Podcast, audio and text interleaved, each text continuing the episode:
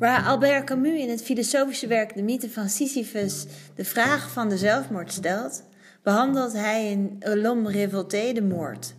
De vraag naar zelfdoding en het doden van een ander zijn beide verbonden met de vraag naar de zinloosheid. Want als het leven zinloos is, waarom zouden we dan niet onszelf doden? En waarom zou het dan uitmaken of ik de ander laat leven of niet?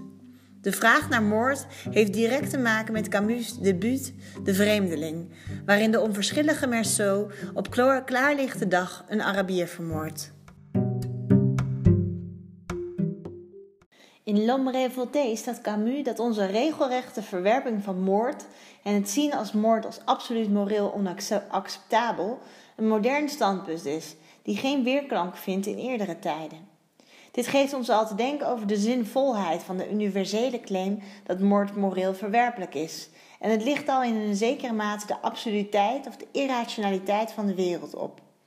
Camus stelt in ieder geval dat wij enkel vanuit onze eigen tijd rekening houden met de mensen die wij tegenkomen het begrip moord kunnen begrijpen. Of zoals gezegd betekenisvol te maken. Welke wapens hebben wij om de onverschillige Merceau te lijf te gaan, die stelt dat het niet uitmaakt of hij de Arabier nu wel of niet doodde. En hij zegt daarover in De Vreemdeling: Op dat ogenblik dacht ik dat men kon schieten of niet schieten, maar dat alles op hetzelfde neerkwam. De existentiële grondvraag van Camus is hoe ik aan een tijdgebonden leven vanuit de absurditeit van de zinloosheid dit leven van invulling kan voorzien.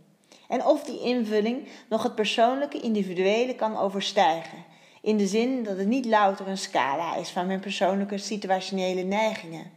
Zoals we doorvoelen in de vreemdeling, wil Merceau de automatische systematisering van het alledaagse overkomen en verlangt hij naar heroïsch engagement waarin hij een persoonlijke waarheid wil dienen. Omdat leven voor hem samenvalt met de absurditeit, is het voor hem om het even dat de Arabier dood is. Wat Merceau enkel rest, is de onbehagelijkheid van het berecht worden als crimineel.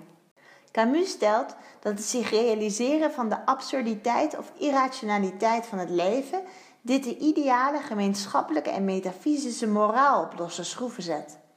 Als het leven zinloos is, dan kunnen er geen waardeoordelen mogelijk zijn. Maar zo stelt daarmee terecht dat het niet uitmaakt of hij de Arabier wel of niet doodschiet. Toch is er wel degelijk iets anders aan de hand. Hoewel er geen kwalitatief oordeel aan het leven kan toegeschreven worden, kan er wel kwantiteit aan toegeschreven worden. Kwantiteit gaat om het zoveel mogelijk beleven van het leven.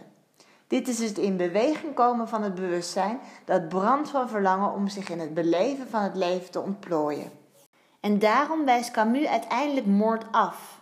De moord van de ander zorgt ervoor dat het beleven van het leven in zijn verscheidenheid beperkt wordt. En daarmee ben ik niet in opstand tegen de absurditeit, de fundamentele taak van het zinloze bestaan, maar leg ik mij passief neer bij het absurde. Misschien is dit ook wel wat Merceau zich deels realiseert, wanneer hij zegt nadat hij de moord heeft gepleegd: Ik schudde het zweet en de zon van me af. Ik begreep dat ik het evenwicht van de dag had verstoord, de uitzonderlijke stilte van een strand waar ik gelukkig was geweest.